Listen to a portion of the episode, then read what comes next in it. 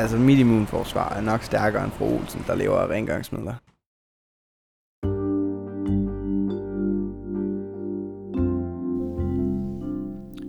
Du lytter til Center for Rusmiddelforskning. Viden om rusmidler og samfund. Velkommen til Stof Samtale Podcast, hvor jeg taler med forskere om danskernes forbrug af rusmidler og om forebyggelse samt behandling af stofmisbrug og alkoholmisbrug. Det er her, vi fortæller om ny rusmiddelforskning. I dag belyser vi et lidt anderledes emne. Det handler nemlig om corona og socialt udsatte. Da covid-19-pandemien ramte Danmark i marts, så kan jeg huske, at jeg flere gange så øh, Socialminister Astrid Krav stå på tv og fortælle, hvordan der lige nu blev givet ekstra penge til at hjælpe de socialt udsatte. Men jeg kan også huske, at jeg tænkte, altså godt vi hjælper hjemløse og stofmisbrug osv., men er de egentlig særlig ramt lige af covid-19? Altså en del af dem lever jo udenfor, og de tager vel heller ikke så meget på skiferie. Antropolog og lektor Maj Nygaard Christensen satte sig for at undersøge netop det. Hvordan har coronakrisen påvirket socialt udsatte mennesker? Og det har hun gjort sammen med videnskabelig assistent Siri Mørk Pedersen og Nikolaj Mørk Thorsen, der studerer antropologi. Det sidste halve år har de tre været ude på væresteder, ved stofindtagelsesrum, på herrebærger og varmestuer. Her har de interviewet både brugere og ansatte. Også i forhold til de restriktioner, som har været indført. For eksempel så måtte kun folk uden bolig overnatte på herrebærger. På, på væresteder så var det heller ikke alle, som kunne komme ind. Nogen kunne kun få en tallerken mad i døren – og i stofindtagelsesrum blev der sat begrænsning på, hvor mange der måtte være inden for gangen, og hvor lang tid de måtte være der.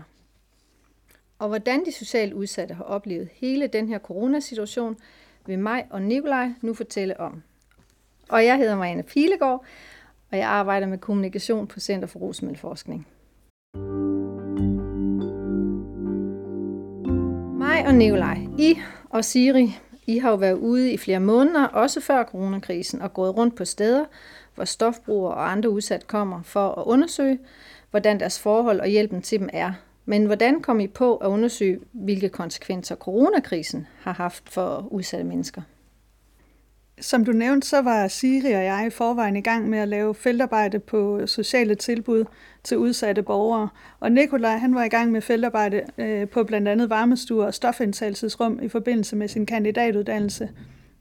Da Danmark blev lukket ned på grund af coronakrisen, så forblev flere varmestuer og herberger åbne for dem uden egen bolig, altså dem, som, som kunne sige sig at have mest akut behov for hjælp.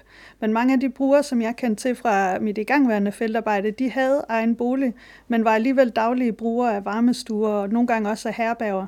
Så jeg blev nysgerrig omkring, hvordan de klarede sig igennem. Hvor gik man hen i stedet for varmestuen, og hvad for nogle nye rutiner fandt man på, hvis nu de ikke længere kunne være struktureret omkring det her sociale liv på varmestuer? Og så var jeg også nysgerrig om, hvilken effekt nedlukning og retningslinjer om social distancering havde i forhold til folks øh, sociale netværk. I det her projekt arbejder vi ud fra en antagelse om, at der er en særlig form for intimitet i de netværk og miljøer, der findes omkring for eksempel væresteder og herberger, øh, fordi det er nogle netværk, der har en afgørende betydning øh, for nogle af de her mennesker det netværk, som rummer rigtig mange forskellige funktioner. For eksempel så kan en person måske både have lånt penge af den ven, som også giver nattely, øh, og som man måske også deler alkohol og, og mad med. Så netværket, det kan altså betyde overlevelse, det kan betyde tryghed, øhm, og det er det, vi mener med en særlig intimitet, altså at der er rigtig mange funktioner, som bliver oppebåret i de her relationer, og, og som faktisk går langt ud over det sociale alene. Så hvad for en betydning fik retningslinjer om at holde social afstand i den kontekst? Det vil jeg gerne undersøge.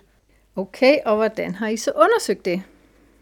Ja, i starten der var jeg meget i tvivl, om vi overhovedet ville være i stand til at udføre klassisk etnografisk feltarbejde. Øh, vi er jo alle sammen antropologer i det her projekt, og sådan et, et klassisk etnografisk feltarbejde kræver, at man er fysisk sammen med folk over længere tid. Så det var jeg i tvivl om, om vi kunne gøre det, eller om vi ville blive nødt til at undersøge mere på afstand sådan en undersøgelse her kan man ikke rigtig lave elektronisk, synes jeg ikke. Man kan ikke bare sende et online spørgeskema ud til folk. Øh, det er vigtigt at komme ud og tale med folk selv og, og observere, hvad der foregår. Øh, ja, hvad der sker i praksis. Så heldigvis så fik, øh, siger jeg, allerede i starten af maj, øh, lov til at bevæge os ud og lave interview og tilbringe tid med nogle af brugerne. Det kunne godt lade sig gøre, så længe vi fulgte de her retningslinjer, der var øh, på de steder, vi besøgte omkring brugerantal og smitteværn. øh, øh, og så videre. Så i praksis så betød det, at vi begyndte at hænge ud på og omkring varmestuer, herberg og stofindtagelsesrum øh, og lavede interview med, med brugere og medarbejdere. Og efter noget tid, så kom Nikolaj til, for han var allerede i gang med et feltarbejde blandt, blandt udsatte borgere i forbindelse med sit speciale på antropologiuddannelsen, og havde jo faktisk været ude i, i hele perioden. Så kan vi jo passe lige høre Nikolaj om det. Jamen altså, jeg skulle have lavet mit feltarbejde i Liverpool i England, øhm, blandt sådan socialt udsatte og egentlig meget fodboldfans, som tog socialt ansvar i øh, lokalområdet i Liverpool. Men jeg øh, endte så med i stedet at måtte blive i Danmark på grund af corona ramte. Så jeg skulle finde et nyt øh, feltarbejde herhjemme, og da grænserne de lukkede ned, så begyndte jeg så at få kontakt og, og adgang til sociale tilbud. Og sådan, den interesse startede egentlig med, at, at jeg i den periode, øh, inden, havde fået, inden jeg havde fået adgang, blev ved med at sådan, se en masse avisartikler om hjemløse i Danmark, og et stigende fokus i mediebilledet på sådan frygten for at øh, for smitte blandt socialt udsatte. Og her blev jeg så interesseret i, hvorfor der var en så stor frygt for, at socialt udsatte blev smittet. Og om øh, hvordan man egentlig isolerer sig og handler som hjemløs i den her tid. Og også om, om der egentlig bliver gjort nok for, for den her gruppe i, i den her tid. Så det vil jeg gerne undersøge, og jeg startede så med at lave mit feltarbejde allerede i april så I har altså, jer to og Siri, været ude og observere og interviewe brugere og ansatte på og ved væresteder, herberger, suppekøkkener og stofindtagelsesrum faktisk i et halvt år nu. Og hvad har I så egentlig fundet ud af? Jamen, rigtig mange ting, øh, synes jeg, men, men hvis jeg skal komme med nogle overordnede temaer, så er det blandt andet, at der opstod sådan en ny skælden mellem brugere med og uden egen bolig øh, på de her tilbud personalet øh, på forskellige sociale indsatser, de begyndte at snakke mere om, hvem kernemålgruppen var. Selvfølgelig fordi man, man var nødt til at, at, at sortere nogen fra, altså for at skære ned på antallet af brugere. Øh, og kernemålgruppen, det var så oftest dem, som var reelt hjemløse. Men mange af de brugere, jeg snakkede med, det var folk, der faktisk havde egen bolig, men som alligevel tilbragt mange af deres vågne timer på varmestuer, og også nogle gange søgt hen mod herberg om natten for at sove sammen med andre, eller tæt ved andre, i stedet for i en lejlighed, hvor de måske følte sig utrygge, øh, og, og ikke brød sig om at være. Og det var kendetegnende for den her del af brugerne, som måske ikke blev defineret som kernemålgruppen, øh, at nedlukningen har været benhård for dem. Vi har også kunne se, at mange af dem vidderligt ikke rigtig har andre sociale netværk at vende sig imod i sådan en kontekst her, øh, de relationer, man har på varmestuen eller herberget, er måske ens primære sociale netværk. Så hvor går man så hen, når det bliver fjernet? Og samtidig så kan vi se alligevel, at en del af de her faktisk efterhånden har lært sig nogle nye rutiner. For eksempel så er der flere, der har udskiftet den her daglige rutefart øh, mellem forskellige varmestuer øh, med lange gåture, eller måske nogle kortere besøg på midlertidige indsatser, som for eksempel et suppekøkken, øh, og derfor også lært at være lidt mere alene, end man måske havde været før. Øh, så der har været nogle ressourcer, man ikke altid har øje for, at socialt udsatte borgere har, og, og, og det er blevet fremhævet rigtig meget i vores interview med brugerne, synes jeg så oplever du faktisk, altså, at den måde, som brugerne af de her væresteder og andre sociale tilbud, den måde, de opfatter sig selv på, at den er anderledes end den måde, de bliver omtalt i medierne på. Ja, det synes jeg faktisk. Altså i det her store mediefokus, der kom på socialt udsatte i starten af nedlukningen, så blev socialt udsatte borgere omtalt som særligt udsatte i forhold til corona. Og det er mange af brugerne selvfølgelig også. Men det er spændende for mig at se i vores interviewmateriale, at nogle af de erfaringer, folk har med, og som er, dem, som er erfaringer, der gør, at de bliver beskrevet som socialt udsatte, faktisk også er nogle ressourcer, som folk trækker på i forhold til at komme igennem den her periode. Det kan for eksempel være en bruger med egen bolig, som har været meget alene øh, under corona, men som fortæller, hvordan han, han eller hun har været i fængsel tidligere, og, og mener, at det har gjort isolationen nemmere at stå igennem.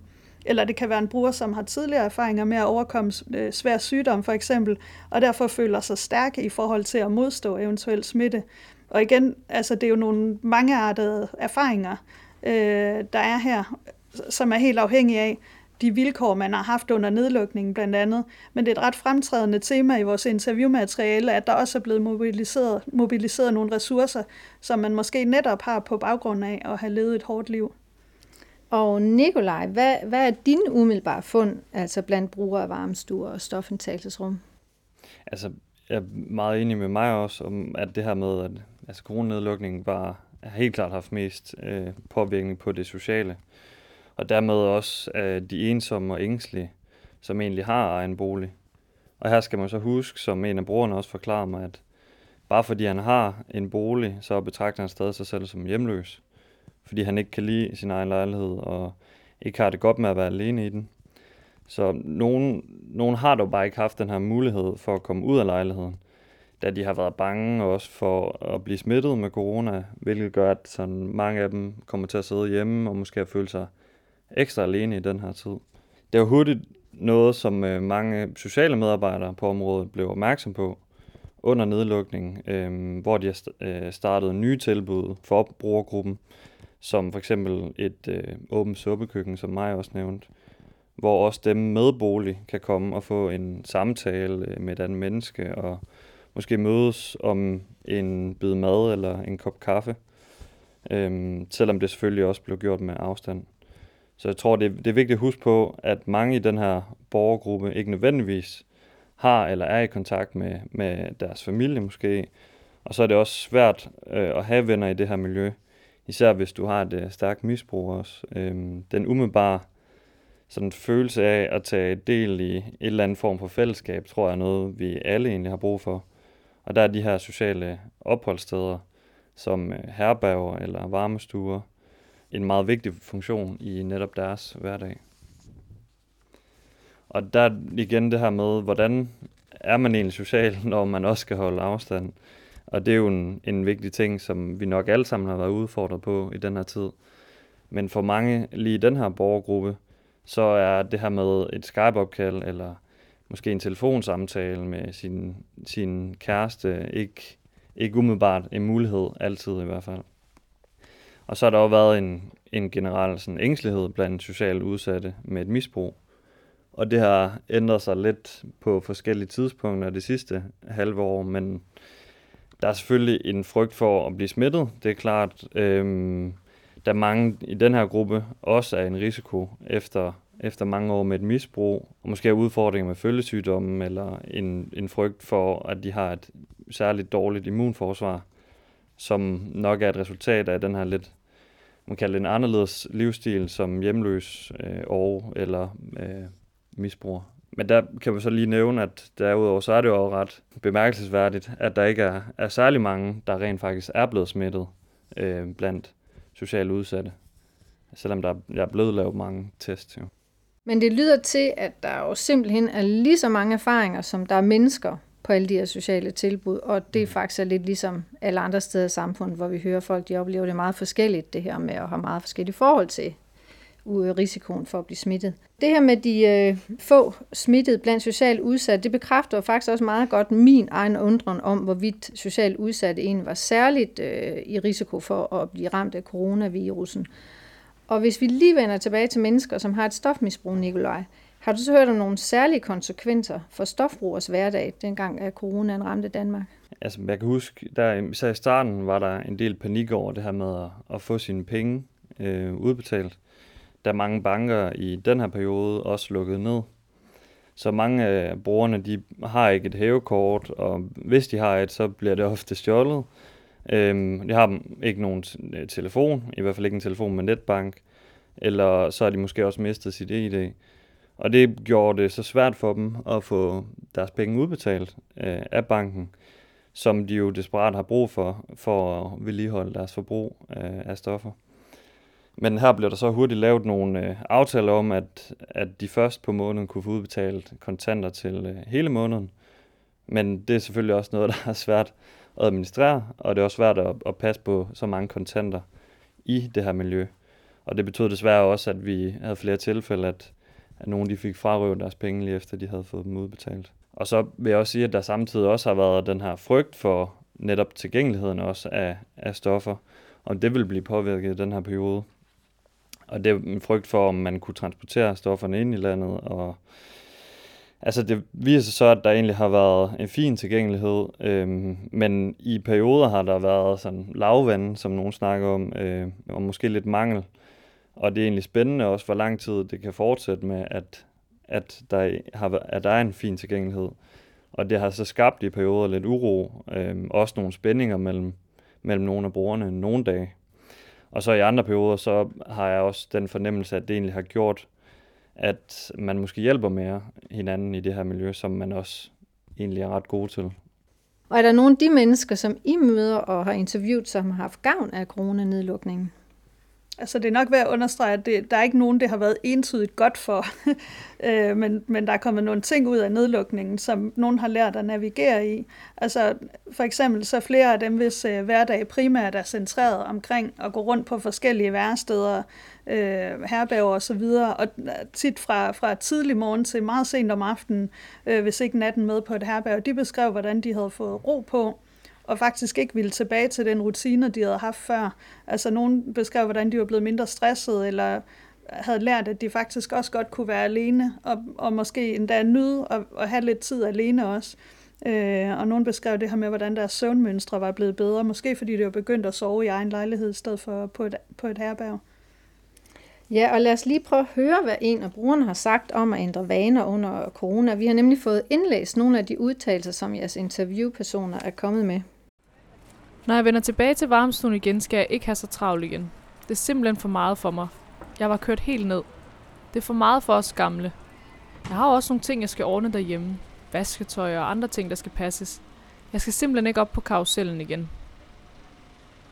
Nikolaj, har du også talt med brugere, som har oplevet, altså, at den her tid med nedlukning og restriktioner under coronaen faktisk godt kunne være lidt positiv? Ja, og der vil jeg sige igen det her med, at den her ro, det har givet i nogens øh, hverdag også. Øhm, og for nogen har jeg givet et ro, en ro det her med, at det har været en affolket byliv, man har set, øh, når de så skal bevæge sig rundt i byen. Især hvis, som nogle af brugerne også har lidt angst for større forsamlinger. Så de her blikke, som man modtager fra, fra verden omkring sig, har været færre, da der jo har været færre mennesker på gaden også. Og så har det givet jo bare en generelt mere plads i gadebilledet som jo, man skal huske også, at det for mange af brugerne er der, de jo bruger det meste af deres tid. Og for nogle af dem er det jo egentlig deres primære hjem. Og det kan jo egentlig være lidt svært, eller som hjemløs, når man så får at vide, at øh, man skal isolere sig i eget hjem, hvis det er fyldt med mennesker på gaden også. Så det har der givet en del, altså det har givet noget mere ro for, for mange også. Og jeg havde en bror under et interview, som fortalte, at hun, ja, hun turde næsten ikke sige det, men at hun faktisk havde haft det fantastisk under corona. Ja, og hendes udtalelser, dem skal vi også lige høre. Jeg elskede pludselig offentlige transportmidler. Jeg hader normalt offentlige transportmidler. Man står normalt som sild i en tønde, men det må man ikke nu. Det er dejligt for sådan en som mig, der har social forbi. Hvis der er mere end fem mennesker, så bliver jeg nervøs, ikke? Ikke fordi jeg har noget at være bange for, men det er sådan noget, der ligger dybt begravet i mig. Jeg kan ikke være med ret mange, medmindre jeg kender dem alle sammen. Så når man kommer ind i en bus, og der er 52 mennesker, eller hvor mange man nu må være der, så lader jeg hellere bussen køre videre og tager den næste. Så for mig har det faktisk været godt. Undskyld alle dem, der har været syge. Det er ikke fordi, jeg ønsker dem syge. Så coronaen har virket modsat for mig. Mange folk isolerer sig. Jeg kommer ud. I stofindtagelsesrum, hvor du er kommet en del, Nikolaj, er der sket nogle positive forandringer for brugerne her på grund af coronakrisen? Altså man kan sige sådan generelt har det jo betydet, at der er kommet færre brugere i stofindtagelsesrummet, og det er jo ikke nødvendigvis øh, positivt, og det betyder jo ikke nødvendigvis, at der bliver taget færre stoffer af den grund. Men øhm, der er i hvert fald færre, der kommer, øhm, og der kan man så tænke, at nogen måske kommer, ikke kommer på grund af den her frygt for at blive smittet i hvert fald. Men det her med, at der så har været færre brugere i stofindtagelsesrummet, har også gjort, at der så i nogle perioder har været mindre aktivitet, og dermed har medarbejderne også haft en anden mulighed for at tage sig måske de enkelte brugere, øhm, og måske tage dem med ind i et andet lokale eller lignende, hvis nu de kunne, kunne mærke, at brugerne havde nogle, nogle bekymringer, og måske også en brug, brug for en snak. Altså en snak, hvor man nok går lidt mere i, i dybden. Og de sådan færre brugere af gangen har også gjort, at det har været lettere i perioder og altså have mere fokus på den her, den her brobygning og arbejdet med den enkelte. Øh, det her relationsarbejde, som også er en meget vigtig del af, af jobbet i stofindtagelsesrummet.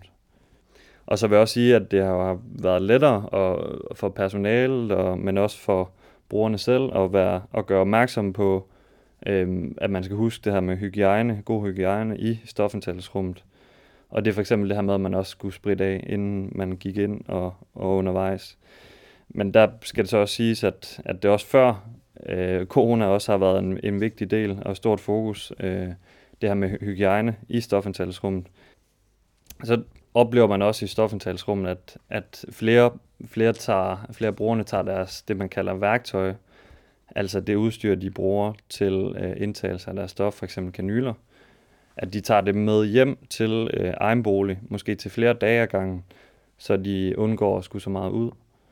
Øhm, og så har jeg også snakket med nogen, som, som I er i behandling, for eksempel med metadon, som øh, under nedlukning, i, for en periode i hvert fald, har haft mulighed for at hente metadon til flere dage, øh, hvor de normalt måske skulle på misbrugscenteret hver dag for at hente.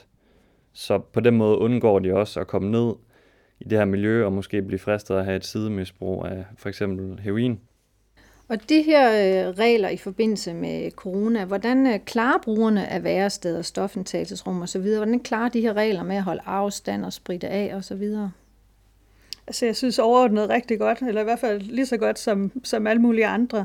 Øhm, jeg synes, brugerne på de steder, vi undersøger, har været meget optaget af coronakrisen.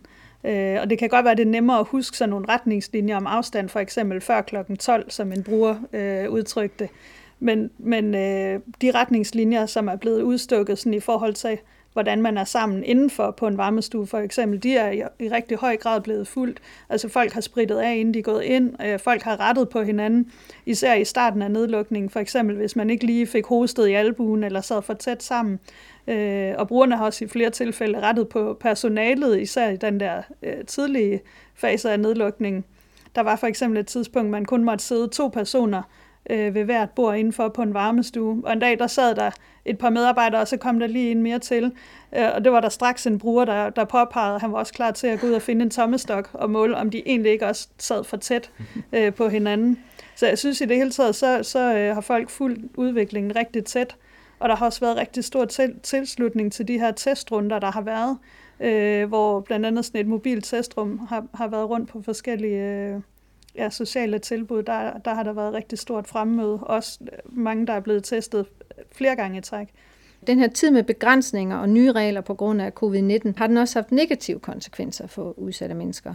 Ja, altså ja, og, og måske, jeg ved ikke om man kan sige især, men det har i hvert fald ramt de mennesker, som er meget ensomme, øh, og ofte har en bolig, men alligevel kommer på værsteder og så videre for at møde andre mennesker, øh, dem har det selvfølgelig ramt rigtig hårdt, på grund af, at, at det er der, at behovet for socialt samvær bliver dækket.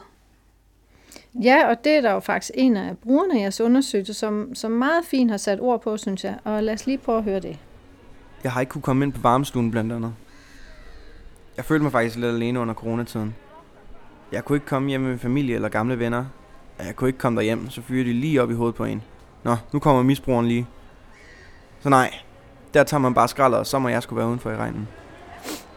Ja, så for andre, så, så har det så øh, isoleret set måske været medvirket, altså den her nedlukning til at et rusmiddelbrug, som der ellers var styr på, eskaleret igen, eller at, at øh, frygten for at blive smittet og blive syg prikket til den her angst, som man måske allerede kæmpede med så har det også været svært for, for medarbejderne i for eksempel stofindtagelsesrummet at, at komme i kontakt med brugerne, som ikke kommer der øh, mere, eller i den her periode er kommet der færre gange. Øhm, og der er stofindtagelsesrummet er jo et anonymt tilbud, så hvis folk ikke kommer der for at indtage deres stoffer, øh, eller kun lige hurtigt kommer, øh, uden at medarbejderne egentlig har mulighed for at snakke med dem, så ved medarbejderne egentlig ikke, hvordan øh, brugerne går og har det. Og så frygten er jo meget, at dem, som man ikke ser og ikke rigtig har kontakt med, måske stille og roligt går til, eller føler sig meget ensomme hjemme i, i deres egen hjem. Ja, så man, man kan sige, at der er jo nogen, som vi slet ikke rigtig ved, hvordan de har klaret sig under mm. coronakrisen. Altså, der var en del mennesker, som pludselig holdt op med at komme på de her tilbud, øh, og som personale og andre brugere måske heller ikke har set i lang tid. Hvad har overrasket jer, eller måske snarere, hvad tror I, der var overrasket mig omkring det her med covid-19 og socialt udsatte mennesker eller andre? Altså, jeg vil sige, at en af de ting, der i hvert fald umiddelbart overraskede mig, og egentlig mange, øh, som også arbejder eller færdes i miljøerne, øh, at der har været ingen, eller i hvert fald få socialt øh, udsatte, som, har, som er blevet testet positiv. de steder, hvor vi færdes. Og der har jo egentlig været et stort fokus i, mediet, i mediebilledet om, øh, hvor man så frygtede, hvordan øh, corona vil ramme en, den her gruppe, og måske vil ramme den hårdt. Fordi det måske også er en ressourcesvag gruppe, som også har kæmper med dårligt immunforsvar og er i den her risikogruppe. Så jeg tror, den der overraskelse over de tal, der så kom, kom ud, da man begyndte at teste, at, øh, at der har vist, at der nærmest ingen har været smittet. Og så kan jeg jo ikke lade være med at tænke på, hvad der egentlig gør det, at man har den forestilling og tror, at, at folk bliver smittet meget i de her miljøer. Øhm, om det handler om et eller andet sådan skæv forestilling om den her gruppe af socialt udsatte og hjemløse og folk med en misbrug, at de måske bliver associeret med at være beskidte eller uhygiejniske, og måske også endda sådan samvittighedsløse. Og nogen, der ofte tænker på sig selv, og ikke tænker på, på konsekvenser af deres egne handlinger. Og der skal man også huske på, at, at de udsatte øh, lever i et form for parallelsamfund. I hvert fald mange af dem beskriver det som en form for parallelsamfund, hvor de mest af alt snakker med hinanden og egentlig holder sig lidt for sig selv. Og øhm, jeg kan også huske, der var en bror, der sagde, da vi snakker omkring det her med corona, og der ikke var nogen, der er blevet smittet, så var han egentlig ikke så overrasket, fordi som man sagde, ingen gider at kramme en hjemløs. Øhm, og de har måske historisk været forbundet med sygdommen og set lidt som samfundets smittebærer, også i forhold til AIDS og folk, der har et misbrug og måske bruger kanyle eller andet. Og her skal man så huske på, at det er jo noget helt andet med corona, og det blev jo egentlig bragt til Danmark igennem folk, som var på skiferie, som også blev nævnt i introen. Øhm, at, og det er jo egentlig de færreste sociale udsatte, der har, har penge til at rejse udenlands, og, og man bevæger sig ikke så meget uden for sine miljøer. Øhm, og jeg kan huske, at der var medarbejdere, som kom tilbage fra, fra en lille ferie, og ikke havde arbejdet i en periode, og sagde, at hun egentlig havde været bange for at komme, komme tilbage i, i coronahulen, som hun kaldte det, og blive smittet. Øhm, og så kom hun til at tænke over det, og, og blev egentlig meget flov over den måde, hun havde tænkt på inden. Og som hun så selv sagde, at det er jo os medarbejdere, os udefra, der skal passe på med at smitte vores brugere. Og mig, hvad har overrasket dig, eller vil måske overraske sådan den brede befolkning i forhold til, hvordan socialt udsatte klarer sig i en krise som covid-19-pandemien og nedlukningen af samfundet? De brugerinterview, vi har lavet, de har i hvert fald været med til at nuancere min egen forståelse af, hvordan man kan forstå social udsathed i det her store mediefokus, der var i starten på, på de her brugere, der blev de hele tiden fremhævet som særligt udsatte. Øh, og det er ikke for at sige, at, at de ikke er det på forskellige måder, men det er bare ikke en fortælling, jeg kan genkende i, i det interviewmateriale, vi sidder med fra brugerne, og de samtaler, vi har haft øh, fra dem, eller som vi har haft med dem. Altså tværtimod, så ser man i dem, synes jeg, hvordan fortællingen om, hvem der er udsat, egentlig bliver vendt på hovedet. Ja, og lad os øh, så lige høre, hvad øh, nogle brugere på, på, på nogle væresteder de, og andre steder har sagt om den her øh, situation. Men mig trøst mig selv med, at hvis man overlever så meget herinde, og i det her miljø altså, hvis mit immunforsvar kunne klare det indtil nu, så skulle det nok godt klare noget mere, ikke? Det er ikke fordi, jeg er typen, der går og skrænter på den måde. Vi er jo... Altså, hvis du levede, som vi gjorde herinde, så ville du jo lungebetændelse, alle mulige. Altså, du ville jo slet ikke kunne klare alle de her bakterier. Men det kan du ikke, og heller ikke ligesom personalet her. De vender sig også til det. Sådan er det bare ikke. Jamen, jeg er mindre bekymret egentlig for folk herinde, end jeg er for herre fra Danmark. For de kommer ikke ud på samme måde. Så vil du godt følge mig, ikke? Altså, mit immunforsvar er nok stærkere end fru Olsen, der lever af rengøringsmidler. Så i de her fortællinger, der er det jo faktisk herre fra Danmark, eller majoritetsbefolkningen, kan man også sige, som bliver fremstillet som egentlig udsatte i forhold til smitterisiko. Altså ud fra den her opfattelse af, at et meget beskyttet eller overbeskyttet liv også godt kan være uhensigtsmæssigt i forhold til at klare sig igennem øh, forskellige typer af, af kriser. Og hvorfor skal vi overhovedet undersøge det her? Altså hvorfor skal vi undersøge, hvordan øh, coronarestriktioner og krisen i det hele taget har påvirket for eksempel hjemløse og værestedsbrugere og stofbrugere? Altså for det første selvfølgelig, fordi at de vilkår, man har under en pandemi, kan være noget anderledes, hvis man, som vi har snakket om, for eksempel ikke har sit eget hjem, eller hvis man helbredsmæssigt er i risikogruppe, eller på andre måder kan være særlig svært stillet, for eksempel på grund af økonomi eller boligforhold osv. Så, så for at få viden om, hvordan klarer man sig så, Og for det andet så opstod der jo hurtigt i medierne nogle antagelser omkring, hvordan de her grupper ville håndtere krisen og klare sig igennem. Men man ved egentlig ikke specielt meget om, hvordan de mest udsatte klarer sig igennem større kriser.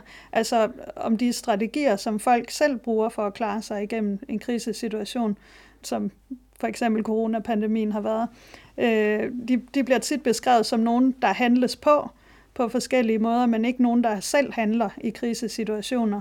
Så det, jeg synes, vi, vi jo kan se i det her materiale, vi sidder med, det er det, at, at folk ikke bare har været passive ofre for den her krise, men, men fandt nogle forskellige måder at håndtere den på.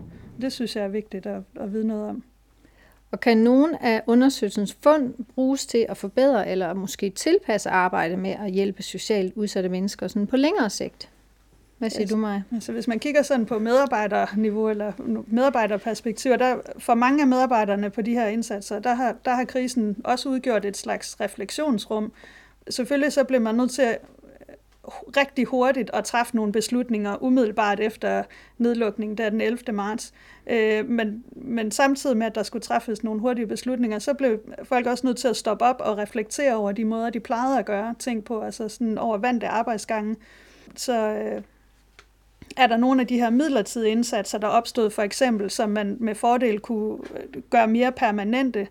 Pointen med det her er, at mange af de her meget udsatte borgere altid befinder sig i en eller anden form for krisesituation, og noget af det, der skete med, med, med under coronanedlukningen, det var, at systemet måske blev bedre gearet til at, at give krisehjælp. Man har også opdaget andre måder at gøre tingene på rundt omkring, for eksempel ved at tilbyde opsøgende misbrugsbehandling og samtidig så, så bliver det også relevant, og det er noget, det vi vil gøre fremover, at prøve at se på nogle af de længere spor af, af coronakrisen. Øh, for eksempel den her udskilling, vi har snakket om, foregik af, af nogle brugergrupper fra, fra de forskellige sociale, steder, sociale indsatser. Øh, altså, hvordan kommer de tilbage igen, og kommer de tilbage igen? Øh, noget af det, vi også gerne vil prøve at se på videre i projektet, det er, om det har ændret ved opfattelse af, hvem den egentlige målgruppe er. Altså den her snak om, kernemålgruppen, som jeg synes opstod øh, under nedlukningen. Hvad for nogle konsekvenser har det for de brugere, der måske ikke bliver skønnet og, og tilhører den her kernemålgruppe? Og Nikolaj, hvad, hvad tænker du om, hvordan de her erfaringer fra coronakrisen kan bruges på, på sociale tilbud til, til udsatte fremover? Jamen, øh, jeg er meget enig med, med mig, men der var der også nogle helt konkrete ændringer i arbejdet med øh, de her, den her målgruppe som, øh, som medarbejder også snakker om, man kunne bruge øh, fremover.